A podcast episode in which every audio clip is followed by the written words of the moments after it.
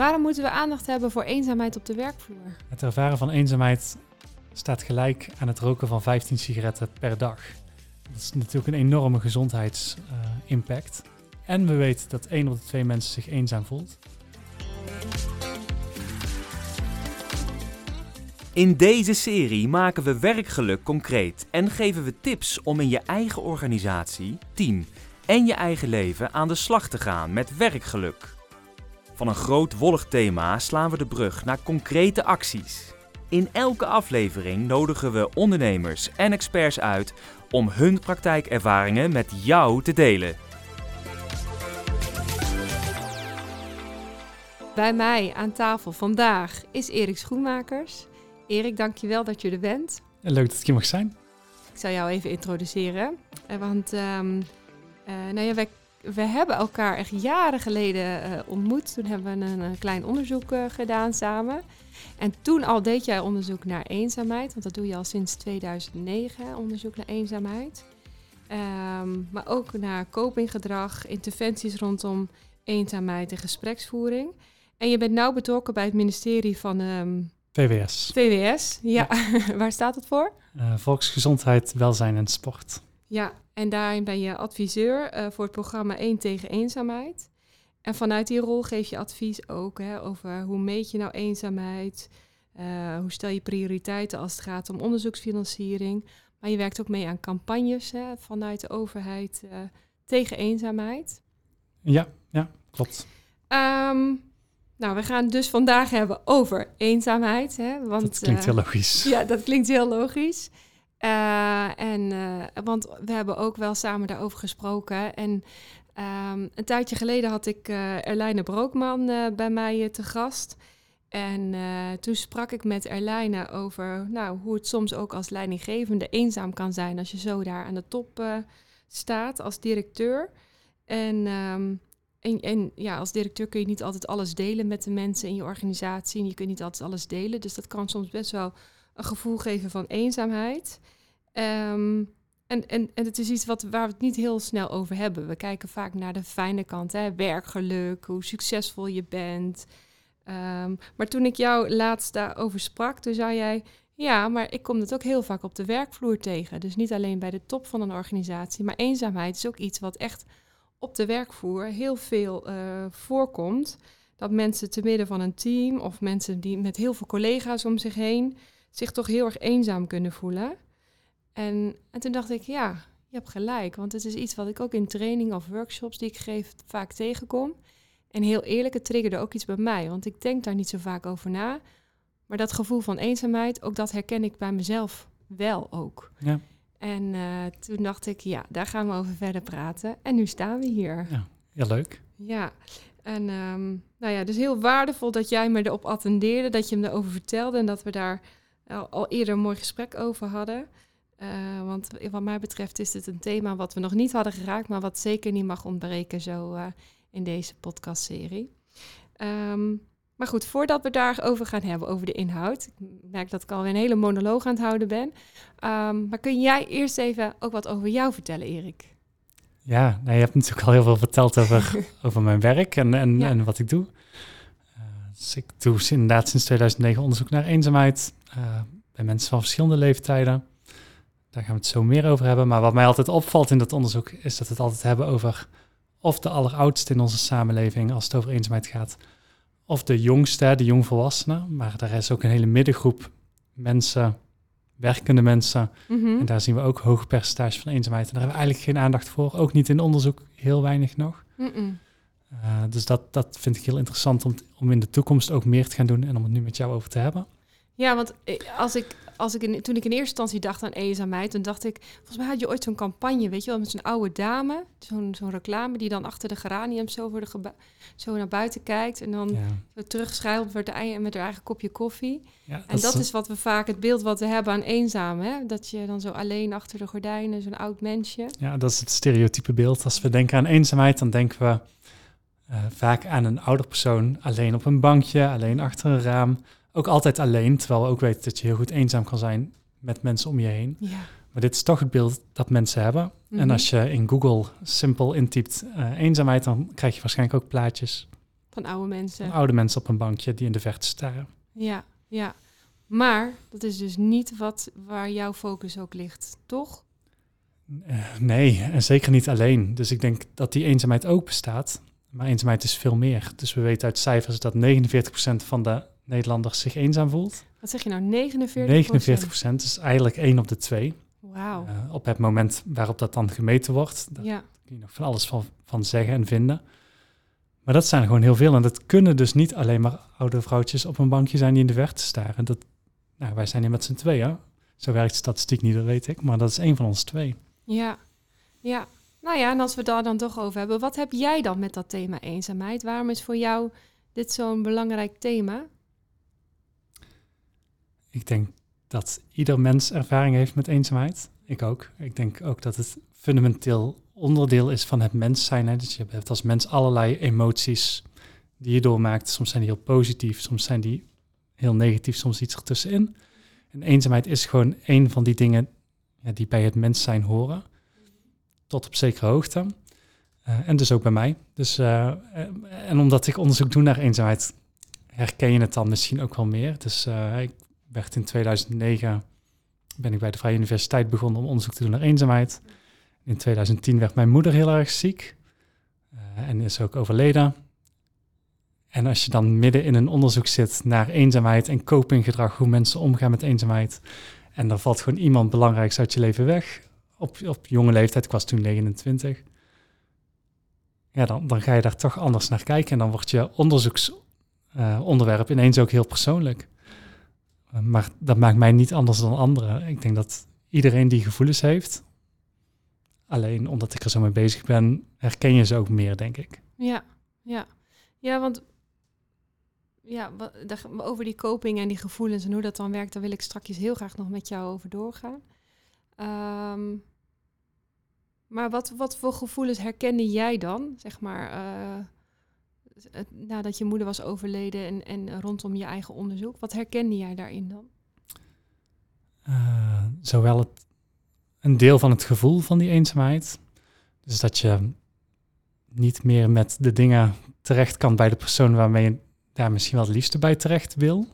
Dus echt die vertrouwenspersoon die je hebt. En ik heb, ook wel andere vertrouwenspersonen in mijn leven, maar het is toch niet diezelfde persoon. En je deelt met je partner andere dingen dan met je vader en met je vader andere dingen dan met je moeder. En zo heeft iedereen een aantal mensen in zijn leven die super belangrijk zijn, hoop ik in ieder geval voor mensen. Uh, en als er dan iemand wegvalt, dan moet dat herschikken. Het is niet per se dat je dan niemand meer hebt, maar je hele netwerk verandert qua ja, je, je verhouding tot anderen verandert. En je moet dus opnieuw gaan bedenken, ja, maar deze vraag, aan wie ga ik die dan stellen? En hoe ga ik daar dan, hoe ga ik daar dan mee om? En niet omgaan als in ik ga een nieuwe moeder zoeken, want dat is niet te doen natuurlijk. Maar meer een manier van ja, hoe ga ik diezelfde vragen, want ik blijf dezelfde persoon, anders over de mensen die ik over heb verdelen. Ja. Als je het dan zo uitlegt, dan denk ik, nou, dat klinkt alsof eenzaamheid ook er wel heel erg bij hoort.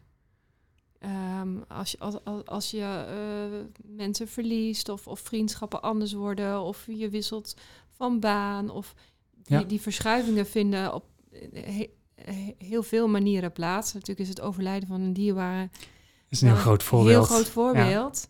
Ja. Um, en tegelijkertijd hoor ik daar ook iets door van het hoort er ook bij. Of chargeer ja. ik het nou te veel? Nee, helemaal niet. Volgens mij hoort het erbij. Ja. Uh, in meer of mindere mate. Uh, en in mijn onderzoek spreek ik natuurlijk heel veel mensen over eenzaamheid. Soms zijn de voorbeelden ook heel of betrekkelijk klein. Ja. Dus ik heb ook met mensen gesproken wiens beste vriend kinderen kreeg. Uh, waardoor hij minder contact kon hebben met die beste vriend. Want ja, er verandert iets in het leven van jouw vriend. Ja. Die heeft minder tijd, minder, minder aandacht, andere dingen aan zijn hoofd. Allemaal prima en logisch en begrijpelijk. Maar evengoed zat de persoon die ik sprak wel af en toe alleen en dacht, oh ja, ik mis wel deze persoon in mijn omgeving. Ja. Dus het kan, ja, het kan ook in heel kleine dingen zijn. Ja. En je zei net hè, dat, dat uh, bijna één op de twee mensen zich eenzaam voelt. Um, is dat dan ook iets dat dan, dat dan nu uh, in deze tijd uh, ja, een extra thema is of dat er nu meer aandacht voor is. Want als het dan zo erbij hoort, zal ik maar zeggen, kan ik me voorstellen dat het er altijd al was. En tegelijkertijd hoor ik, ja, zijn de cijfers wel heel extreem. Uh, ja, dus we weten voor de coronaperiode uh, was er uh, oh, natuurlijk ook eenzaamheid. en we meten eenzaamheid eigenlijk al sinds de jaren 60, 70 van de vorige eeuw. Sinds de jaren 80, 90 wat beter en gestructureerder. En we zien eigenlijk een vaste lijn van tussen de 30 en de 40 procent van de mensen die zich eenzaam voelt. Op dat moment dat we het meten. Want eenzaamheid kan ook een dag zijn en snel weer voorbij zijn. Uh, die lijn is in principe constant, maar je hebt natuurlijk een meting die soms wat, wat hoger uitpakt en soms eentje die lager uitpakt. Maar gemiddeld zit je zo tussen de 30 en de 40 procent. Die meting waar we het net over hadden, die 49 procent, is een coronameting. Uh, dus die uh, data is verzameld in in een tijd van lockdown. En toen zagen we wel dat eenzaamheid hoger lag. Maar dat is eigenlijk de enige echte trendbreuk die we over de afgelopen decennia gezien hebben. En we weten, nog, ja, we weten eigenlijk nog onvoldoende of die ook weer herstelt. Of dat we nu ja, in een andere wereld terecht zijn gekomen met een hogere stabiele. Maar, uh, Wat is jouw idee daarbij? Wat verwacht jij? Ik denk dat we weer teruggaan naar de stabiele norm van tussen de 30 en 40 procent ja. op termijn. Ja. Uh, dus ik geloof dat er wel een generatie is, zonder dat een leeftijd koppelen, maar een groep mensen is die door corona wel echt een knauw heeft gekregen, uh, wiens vaardigheden misschien minder zijn ontwikkeld, die daar wel in een soort van risicogroep terechtgekomen zijn, die anders misschien net niet over het uh, randje gevallen waren en nu, wel over het randje vallen. En het is heel moeilijk voor die groep om weer terug over het randje te klimmen. Maar ik geloof dat ook dat ieder tijdsbeeld wel zijn eigen randjes heeft en zijn eigen problematieken. En dat er altijd mensen over dat randje vallen die gewoon langdurig eenzaam blijven. Ja. En nu is dat, in, in het geval van deze generatie, is dat corona. In het geval van een andere generatie was dat digitalisering. Uh, nou goed, er is altijd wel een maatschappelijke tendens. Maar tot nu toe hebben we nooit gezien dat die maatschappelijke tendensen echt structureel leiden tot een hoger percentage eenzaamheid. Ja, maar dat gevoel van eenzaamheid, dat is dus iets wat eigenlijk van alle tijden is. Dat is de aanname die, die ik heb en ja. die uit onderzoek ook wel blijkt. Ja.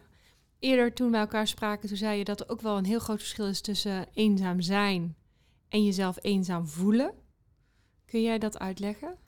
Volgens mij zei ik dat er juist geen, geen verschil is tussen die twee. Oh, sorry. Dus je hebt, aan, je hebt aan de ene kant sociaal isolement. Dus dat is alleen zijn.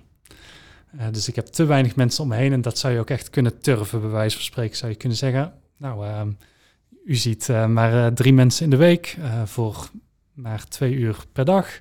Dus u bent sociaal geïsoleerd, daar kun je een normpje op plakken. en dat is echt alleen zijn, maar dat zegt niks over hoe fijn of hoe onfijn dat voelt. Terwijl er ook mensen zijn die een heel rijk sociaal netwerk hebben, die dat gevoel van die eenzaamheid wel hebben. Dus eenzaamheid is in de definitie een subjectief iets, een gevoel. En, je, en, en ja, het hangt natuurlijk voor veel mensen wel samen met een objectieve werkelijkheid van hoe groot een netwerk is. Ja. Maar zeker niet voor iedereen. Nee. Dus als ik het goed begrijp, zeg maar, je, je kunt eenzaam voelen. Ehm, en, en dat kan iets zeggen over hoeveel mensen je feitelijk om je heen hebt.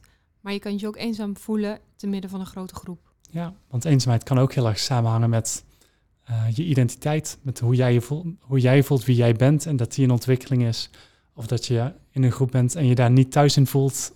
En je dus zelfs binnen een groep meer afstand tot een groep kan ervaren dan wanneer je niet bij die groep bent. Mm -hmm. Dus het is echt een, echt een gevoel.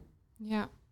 Ja, en dat, dat herken ik ook wel. Want ik heb bijvoorbeeld op mijn werk heb ik best wel heel veel collega's om me heen. Um, en tegelijkertijd is de functie die ik heb ook wel een andere functie dan de meeste van mijn collega's om mij heen. En um, ik doe heel veel onderzoek en de meeste van mijn collega's die zitten direct in het onderwijs, waar ik wat minder les geef of eigenlijk, eigenlijk vrijwel geen les meer geef. Um, maar dat maakt ook wel dat ik inhoudelijk wat minder verbinding heb met deze groep mensen. En dat ik het soms ook best wel heel lastig kan vinden om aansluiting te vinden. Maar ook dat ik soms, en, nou ja, ook soms wat gevoel krijg dat collega's dan zeggen van, ah ja, maar Rosalie, jij, jij, bent, uh, jij doet onderzoek, dus jij, uh, Hè, dat is, uh, dat is Dat je vooral ook- leuk. Dat je ook je? buiten de groep geplaatst wordt eigenlijk. Ja, en dat is waarschijnlijk helemaal niet zo bedoeld. Maar dan krijg ik wel het gevoel van, oh ja, oh ja, doet mijn werk er dan niet toe of zo? Of doe ik dan, voel ik me gelijk onbelangrijk? Ja. En dat kan ook wel maken dat ik dan denk, oh, nou ja, laat maar dan, weet je. Dan, eh, weet ik niet, dan sluit ik me af. Ja. En dan kan ik me soms heel alleen voelen, terwijl dat misschien helemaal niet zo bedoeld is. Maar ik voel me dan niet meer echt bij de groep horen. En dat zit hem in hele kleine dingetjes.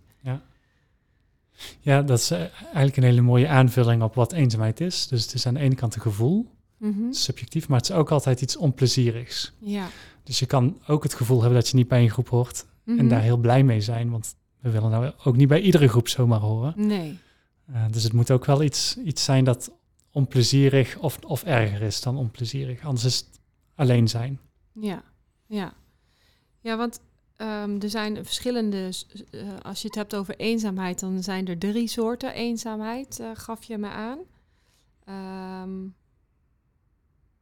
Ja, ja dus eh, ehm, ik denk, als je goed gaat zoeken, kun je wel meer vormen van eenzaamheid vinden ook hoor. Maar Mhm. er zijn er drie die eigenlijk wel breed gedragen zijn in de, in de literatuur. En ik denk ook heel erg herkenbaar zijn. Dus aan de ene kant heb je het gevoel dat je niet bij een, bij een bepaalde groep hoort waar je bij zou willen horen. ja, Eh, een vriendengroep, buren, collega's, zoals jij aangeeft. ja, Eh, en dat is dan sociale eenzaamheid. Dus dat groepsgevoel en deel uitmaken van een groep. Eh, de tweede vorm is de emotionele eenzaamheid. Dat is misschien meer het voorbeeld wat ik aanhaalde. En die vertrouwenspersoon, iemand die jou door en door kent, waarvan je weet, oh, hier kan ik altijd terecht. Die heeft geen oordeel over mij of die, die, die, voelt, als, die voelt als thuis. ja, echt die diepere connectie. Diepere connectie. Ja. En als die dan ontbreekt, heet dat emotionele eenzaamheid. Ja, En die twee vormen gaan allebei over relaties, ook allebei over bepaalde relaties, maar zijn wel heel anders. Hè? Dus de ene ja, dat is echt die diepgang en de andere is veel meer het brede gevoel van erbij mogen horen. ja, Eh, en de derde vorm van eenzaamheid, eh, waar iets minder consensus over is, maar toch wel breed gezien wordt, in ieder geval in theorie. Eh, in empirie is het weer net iets anders, maar eh, dat heet existentiële eenzaamheid. Eh, en dat gaat veel meer over ja, jouw eigen identiteit. of je het gevoel hebt dat je waarde toevoegt aan de wereld. Dat jouw bestaan zinvol is. Mm. Eh, en als dat ontbreekt, dan kan dat ook een eenzaam gevoel opleveren.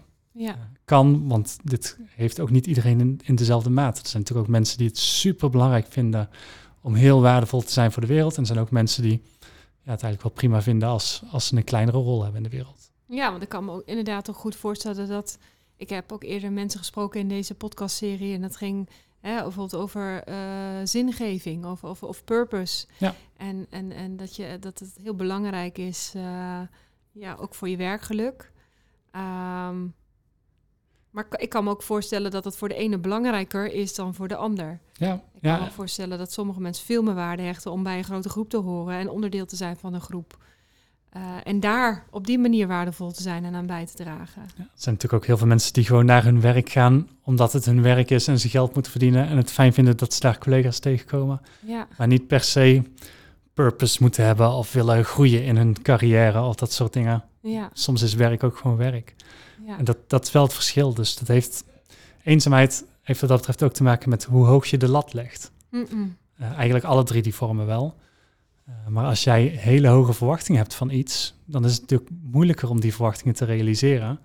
En als je je verwachtingen niet realiseert, dan kan dat een eenzaam gevoel opleveren. ja, Dus we zeggen wel eens, eh, eenzaamheid is het verschil tussen de relaties die je hebt en de relaties die je wil. ja, ja. Als je heel veel wil, dan moet je dus ook heel veel hebben om die standaard te halen. Ja, ja. Ik vraag me dan af, hè, want we hebben dan nu soorten eenzaamheid, ook wel wat voorbeelden van hoe je je eenzaam kan voelen, zeg maar. Ehm, is het dan, zeg maar, stel dat mensen dit nou herkennen van, goh, mijn collega's, of ik weet eigenlijk niet waar, mijn zingeving, of ik heb die verbinding, die diepere verbinding niet, of is het dan iets waar je dan echt zorgen over moet maken, of is het, is het, of, of is het, ja, is het erg om je af en toe eenzaam te voelen?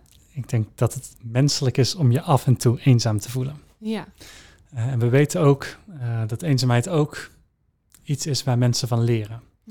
Dus net als dat eh, pijn een signaal is wat je kan hebben, en een signaal is wat niet fijn is. Niemand heeft graag pijn.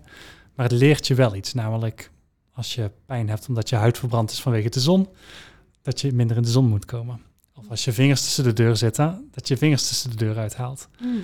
Uh, en zo is eenzaamheid ook. Het is een soort, eenzaamheid wordt ook wel eens sociale pijn genoemd. Dus iets gaat er niet goed en het is een signaal.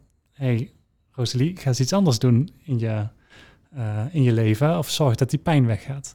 En als dat dan lukt, ja, dan, dan heb je iets geleerd. En dan heb je geleerd over jezelf. Het draagt bij aan, aan je identiteitsvorming. Aan, nou, in die zin is het ook een, goed om je af en toe eenzaam te voelen als je er dan van leert. Ja, ja. Er zijn ook mensen die dat leereffect niet hebben. En die blijven dan eenzaam. En dan weten we dat eenzaamheid ook gepaard gaat met uh, ja, dat je ook in een negatieve spiraal terecht kan komen van slechte gezondheidsuitkomsten. Uh, zowel lichamelijk, uh, hart- vaatziekten, maar ook cognitieve achteruitgang. Dus dan, dan heeft eenzaamheid wel echt een, een, een gezondheidsimpact en een welzijnsimpact. Maar dat is alleen als het langer duurt en als je geen goede manier kan vinden om daarmee om te gaan. Ja, ja. Dus jij zegt eigenlijk dat dat gevoel van eenzaamheid, als je dat goed weet te herkennen ook, dan kan je dat ook zien als een heel handig signaal. Ja, een onplezierig, maar handig signaal. Ja, ja, niet fijn. Ja, en ik zit dan even te denken, als ik dan even aan mijn eigen voorbeeld denk, hè, met mijn collega's. Waar ik eigenlijk wel heel veel behoefte aan heb om daarbij te horen, want ik vind heel veel van mijn collega's ontzettend leuk. Punt is alleen dat zij met andere dingen bezig zijn dan dat ik dat ben. Dus dat we qua inhoud elkaar ook vaak niet kunnen vinden. In het sociale stuk wel. Um, en als ik me dan zo eenzaam voel, zeg maar, of dan eenzaam in, zo'n groep. Zij zijn met elkaar over dingen aan het praten waar ik dan niet over mee kan praten. Of zij hebben een afspraak waar ik dan niet mee naartoe hoef. Of uh, het is voor mij dan niet relevant, zeg maar. -hmm. Dan voel ik die eenzaamheid. Ik voel dat dat, dat schuurt. Ja. En jij zegt dat is een signaal wat je kan herkennen. En dan kan je, moet je dan wel iets mee doen. Daar kun je iets mee doen. Maar wat zou ik daar dan mee kunnen doen? Wat doe je op dit moment als je dit voelt? Ja, ik ben dus heel snel geneigd om te denken... nou weet je, laat maar, ik doe het wel zelf... en ik ga mijn eigen ding wel doen. En dan ga ik dus juist alleen die beweging maken om alleen te zijn. Maar ja. dat is natuurlijk niet wat ik echt wil. Wat ik eigenlijk wil, is die, die aansluiting met de mensen... en de verbinding en het ergens over kunnen hebben samen en kunnen lachen. Ja, en dit zijn de, de twee primaire reacties die je kan hebben. Oké. Okay. Uh, dus er zijn eigenlijk drie vormen van coping, maar er zijn, laat ik er twee even uh, uithalen. Uh, dus die ene is probleemgericht. Je hebt het gevoel, hey, dit schuurt, dit gaat niet goed. Ik mis die aansluiting bij deze specifieke groep. dus ik ga toch op een manier het contact zoeken met die specifieke groep. Je kan daar ook een variant op hebben. Dus je kan ook zeggen, nou weet je, dit werkt niet, dus ik ga een groep zoeken van mensen die meer op mij lijken. Uh, zodat ik daar aansluiting bij kan vinden, bij een andere baan of hier binnen deze baan. Dat je een andere groep zoekt waar je wel bij kan horen. Dat, dat is allemaal probleemgerichte coping. Mm -hmm. Ik heb het gevoel, ga ik iets mee doen. Mm -hmm. uh, je hebt de vorm uh, afleiding als coping. Ik denk dat we die allemaal heel goed herkennen. Dus ik heb een nagevoel, ik ga even gewoon iets anders doen. Ik ga even op mijn telefoon kijken of ik kijk even een nou ja, dat doe je op je werk denk ik niet, maar ik ga even Netflix of een boek lezen of tuinieren. Ga het gewoon even gewoon, niet voelen. Ik ga het gewoon even niet voelen. Ik ga gewoon iets anders doen. Daar is ja. ook helemaal niks mis mee. Als ja. dit tijdelijke eenzaamheid is, ja, wa waarom niet? Ja. Uh, en je hebt nog een derde vorm van coping. En dat is uh, ja, een soort van cognitieve variant, mm -hmm. uh, waarbij je dingen een ander plekje gaat geven. Dus dat je gaat herformuleren van ja, maar die collega's zijn ook met iets anders bezig en ik met iets anders. Dus het is ook wel logisch. En eigenlijk ben je dan je verwachtingen een beetje aan het bijstellen. Dus je zegt ja, maar misschien is het ook helemaal niet logisch dat ik verwacht van mijn collega's dat ze mij meenemen naar deze afspraak. Want ik heb nou helemaal een andere functie. Ja. Uh, en dan wordt die pijn misschien ook wat minder omdat je denkt, oh ja, het ligt niet aan onze relatie, maar het ligt aan de taak. Ja. Dat is ook een, een manier om dat gevoel minder heftig te maken. Ja. En het klinkt alsof je die vorm dan hanteert. Ja. ja, maar ik denk dat het dan meer uh, uh, uit, uit een soort van defense is. Of van nou, dan, dan doe ik het wel alleen, zeg maar, dan dat ik dat echt leuk vind. Dan maak ik het wel heel zwaar, hè? Dat valt allemaal reuze mee, maar ik probeer het even ja. als voorbeeld te gebruiken. Wat ik wel, wat ik zelf in mijn coaching wel altijd uh, probeer met cliënten die ik heb, dat als ze dat als ze een bepaald gevoel hebben, wat onprettig voelt, dat kan eenzaamheid zijn dat je dan wel gaat kijken van nou, maar waar ligt dat dan aan? Waarom voel ik me dan zo? En welke behoefte ligt er aan ten grondslag? Ja. Dus wat zou ik eigenlijk heel erg graag willen? En, eh, en, en hoe, kan ik, ja, hoe kan ik mijn behoeften dan toch vervullen? Ja, dus en dan die behoefte vervullen is een actieve coping, probleemgericht. En een ander doel stellen is eigenlijk de emotiegerichte coping. Ja. Kan natuurlijk ook, want niet alles kan altijd. Mm, Nee. Soms moet je ook gewoon een, ja, beseffen, dit doel is gewoon niet haalbaar. Ja, Dus ik kan daar wel heel hard aan gaan werken, maar daar gaat het gevoel niet minder van worden. Ik moet een ander doel nemen, of ik moet die lat lager leggen, of ik moet die lat ergens anders leggen. ja, ja. Ja, dat is heel mooi. Dus maar het herkennen ervan en het erkennen ervan en dan... Dat is altijd stap één. realistisch? Ben ik bang voor al Ja. dit soort vraagstukken, dat je Ja. bij jezelf te raden moet gaan. En daar kunnen anderen natuurlijk bij helpen. Je kan er met mensen over in gesprek gaan van, goh, wat voel jij? En hoe, hoe werkt dat dan voor jou? En, en waar komt dat gevoel vandaan? Je hoeft het niet alleen te doen. Maar je zal altijd zelf moeten weten waar je gevoel vandaan komt en welk gevoel het is voordat je er iets mee kan doen, denk ik. Ja, ja. Nou ja, wat me triggert is dat je zegt, ja, maar je kunt er altijd een gesprek over aangaan. maar ik merk en ik denk, en jij begint al een beetje te lachen, dat het wel een, een lastig gespreksonderwerp kan zijn. Want als je je eenzaam voelt, zeg maar, te midden van zo'n groep, ga dat maar eens uitspreken. Of, eh, of, of hè, als je merkt dat je weinig aansluiting hebt, hoe ga je dat dan vertellen? Dat, lijkt me, dat moet je je wel heel kwetsbaar durven opstellen. Lijkt mij wel heel erg ingewikkeld. Ja, dat is natuurlijk ook ingewikkeld. ja, Uh, maar ik denk, ik denk ook niet dat je altijd met iedereen over je eenzaamheid moet praten. nee hè? Nee. Maar ik denk wel dat de meeste mensen wel iemand in hun omgeving hebben waarbij het verrassend makkelijk is om het daar toch over te hebben. Uh, en dat is dan misschien niet meteen de persoon die je mist. Hè. Dus ik snap dat je het voor je collega's misschien ingewikkeld is. Maar het helpt misschien ook om dit gevoel te uiten bij een goede vriend of vriendin of je partner of je iemand anders die uh, nabij is. Mhm. Dus ik denk dat je dat gevoel over een, van eenzaamheid wel dat dat bespreekbaar maken niet zo moeilijk is als dat we wel eens denken. Mm. En dat, dat baseer ik op dat ik natuurlijk zelf regelmatig met mensen in gesprek ga over eenzaamheid en over hun gevoelens. En dat het eigenlijk altijd best wel goed gaat. En er is nooit iemand die, die zegt, ja, maar daar wil ik het eigenlijk niet over hebben. Misschien in eerste instantie wel. Maar uiteindelijk vinden mensen het eigenlijk juist heel fijn om een keer te mogen vertellen van, hé, hey, dit gevoel heb ik, dit houdt me bezig. En ik mag dit met niemand anders delen. Dus ik ben blij dat ik dit wel tegen jou mag vertellen. Ik denk eerder dat het bespreekbaar maken, als er een probleem is bij bespreekbaar maken, ligt het probleem misschien wel eerder bij degene die moet luisteren. Mhm. Uh, en niet dan met te snelle oplossingen moet willen komen of het niet moet willen horen, dan bij degene die het gaat vertellen. Ja, ja. Ja, dus ik hoor jou eigenlijk twee dingen zeggen. Enerzijds dat als mensen zich eenzaam voelen, uit het. Want dat is echt heel erg belangrijk om het in ieder geval bespreekbaar te maken met iemand die je vertrouwt. En anderzijds hoor ik jou zeggen dat als je het signaleert, maak het bespreekbaar. Want mensen willen er eigenlijk heel graag over praten. En zorg dan dat je vooral luistert.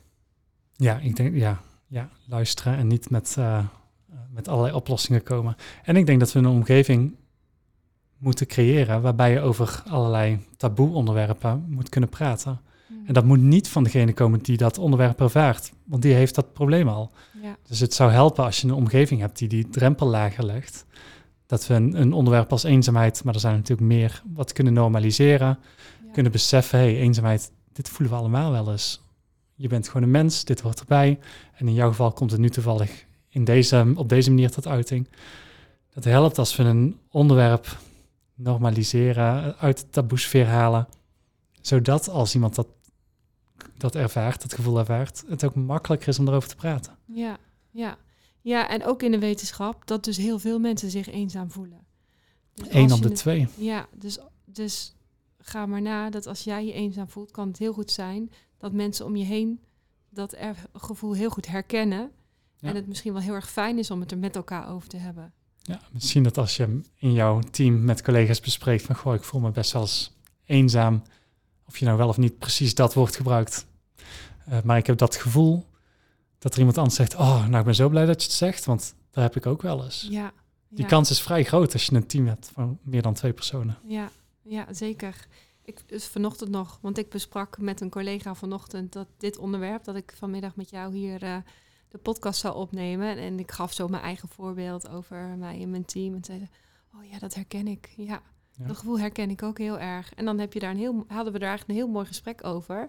En er ontstond ook meteen verbinding. Ja. Want je hebt elkaar gevonden op iets en je kunt het daarover hebben. En dan heb je een echt mooi gesprek met elkaar. Althans, ik had echt een heel mooi gesprek vanochtend over het thema. Ja. Ja. Ja. ik herken dat dus heel erg uit de gesprekken die ik voer. Ja, Dat het dan al heel snel hele mooie gesprekken worden. ja, En heel waardevol, want hoe fijn is het niet om dat gevoel te mogen uiten dat je voelt wat je altijd voor je hebt moeten houden. ja. Ja, en los dat het fijn is, hè, want het, ik kan me ook voorstellen. ehm, nou ja, deze podcast wordt natuurlijk ook heel veel geluisterd door mensen uit het bedrijfsleven, eh, leidinggevende. Ehm, en het is niet zomaar een, een nice to have thema. Het is dus echt een thema wat dus bij heel veel mensen speelt, ook op de werkvloer. Ehm, waarom is het volgens jou nog, nog meer heel erg belangrijk om dit thema eenzaamheid niet te negeren, maar ook als organisatie of als leidinggevende of misschien wel als team een verantwoordelijkheid te pakken? Ja, ik ik denk dat we, dat we nog te weinig realiseren wat de impact van eenzaamheid in onze samenleving is. Eh, en als, we hadden het net over de gezondheidseffecten van eenzaamheid. Mhm. Eh, die worden gelijkgesteld aan het roken van 15 sigaretten per dag. 15 sigaretten per dag als je je eenzaam Als voelt? je je problematisch eenzaam voelt, langdurig. Niet als je toevallig vandaag even eenzaam voelt, maar als het langer duurt. Ja, en dat kost je gewoon zeven jaar van je leven. En dat zijn natuurlijk de zeven laatste jaren van je leven. Maar dat betekent ook dat daarvoor heel veel on- ongezondheidsklachten zitten. Dus mensen die zich langdurig eenzaam voelen, die, ja, die, die gaan ook vaker naar de huisarts. Die hebben vaker klachten. Die vallen vaker uit mentale gezondheid, maar ook echt fysieke gezondheid. En dat is natuurlijk nogal een aanslag op je, ja, op je werkgeverschap. Als je heel veel werknemers hebt die uitvallen. En we hebben wel allerlei beleid eh, om mensen gezond te houden. Steeds meer aandacht voor gezonde kantines, voor staan op je werk, voor, nou ja, voor al dat soort eh, eh, leefstijlfactoren. ja, Volgens mij is het een relatief kleine stap in je hoofd om dan te zeggen, oh, dan moeten we misschien ook aandacht hebben voor de sociale gezondheid van mensen. ja. Oh, mooi. Ja, ja. Mo- mooi die aanvulling ook. Want dat zie ik inderdaad, dat zeg maar de, die, die, die vitale of die fysieke kant, zeg maar, dat dat, dat, dat redelijk toegankelijk is of wat gangbaar of hè, dat is makkelijker. Ja. Maar de mentale, maar ook de sociale kant van werkgeluk, eh, dat dat ingewikkelder is. Ja, dat is gewoon nog best een nieuw onderwerp. Ja, En er zijn wel steeds meer eh, organisaties en bedrijven die hier wel aandacht voor hebben of willen hebben. Dus het is volgens mij wel in ontwikkeling. Maar er is ook nog wel een lange weg te gaan, denk ik. ja, En het is natuurlijk ook heel vaak de vraag, ja, hoe ver mag ik me eigenlijk bemoeien met het leven van mensen? Mhm. Want ja, ik ben gewoon hun leidinggevende en waarom zou ik me dan bemoeien met die eenzaamheid? Nou, als die eenzaamheid op de werkvloer zich afspeelt, dan denk ik dat je daar zeker een rol in hebt. Maar ook als die in de thuissituatie afspeelt, we bemoeien ons wel ook met het, het beweegbeleid voor mensen. Ja. Op allerlei manieren. Dus ja, als, Waarom dit niet? waarom, ja, als je die grens toch al over bent, dan kun je net goed deze grens ook pakken. Ja. En hoe, hoe doe je dat? Hoe maak je dat als, als werkgever, als leidinggevende bespreekbaar wat jou betreft? Ja, dat is heel ingewikkeld, want dat staat echt nog in de kinderschoenen. Maar volgens mij begint het bij een, bij een voorbeeld stellen. Dus als jij als leidinggevende je kwetsbaar durft op te stellen en eens vertelt over jouw eenzaamheid, dan maak je de drempel voor iemand om naar jou toe te komen en over zijn of haar eenzaamheid te natuurlijk al een heel stuk lager. Of als je dit onderwerp gewoon een keer in een teamvergadering langs laat komen. Volgens, volgens mij is dat een kleine eerste stap. En de grotere stappen zullen we even iets langer over na moeten denken, denk ik. Ja, maar maak het bespreekbaar. En stel jezelf ook kwetsbaar op, dat hoor ik je zeggen. Ja, mooi. Dankjewel. Dankjewel voor, ehm voor deze waardevolle tips en de mooie inzichten. We zijn inmiddels alweer aan het einde gekomen van deze aflevering. Dat gaat heel erg snel. Het gaat heel snel. Ja. Ja. Is er nog iets wat, we, wat ik nog heb gemist en wat je echt nog heel graag even wilt meegeven? Nee, ik denk het eigenlijk niet. Nou, gelukkig. Dan hebben we alles gedaan. Ja, ik denk het. Ja, dankjewel Erik voor al je inzichten en eh, voor het delen daarvan. Ehm, als mensen meer van jou willen zien, lezen, horen, waar kunnen ze terecht? Eh, nou, ik werk bij Fontes Hogeschool, dus je zou mij kunnen opzoeken op eh, de website van Fontes. Ik heb natuurlijk, eh, zoals bijna iedereen, tegenwoordig een LinkedIn. Ik heb aan verschillende podcasts meegeluisterd. Ik denk als je mijn naam googelt met het woord eenzaamheid erbij, of loneliness in het Engels, dat je ja, mij op allerlei plekken tegenkomt. Ja. ja, want jij hebt ook een aflevering in de podcast Psycholoog. Kopzorgen. Ja. En Hey, het is oké is ook een podcast van jou. Ja, Hey, het is oké, specifiek gericht op, op, jong, op jongeren, jongvolwassenen. Uh, het is geïnitieerd door het ministerie van VWS. En in die podcast vertellen jonge mensen hun persoonlijke verhaal over eenzaamheid. En gaan daar vervolgens ook met iemand die hun dierbaar is over in gesprek. Dat levert ook hele mooie uh, gesprekken op. Ja. Daar mag je dan een klein beetje commentaar op leveren. Ja. Dus als je inspiratie nodig hebt over hoe je in gesprek kan gaan, dan is dat misschien ook een hele mooie nog. Ja, dankjewel. Dankjewel voor het delen. Uh, luisteraars, ook hartelijk dank voor het luisteren. Vind je het interessant om nog wat meer over te weten of wil je contact opnemen? Ben je natuurlijk heel erg welkom. Mail me dan op werkgeluktebaas.fontes.nl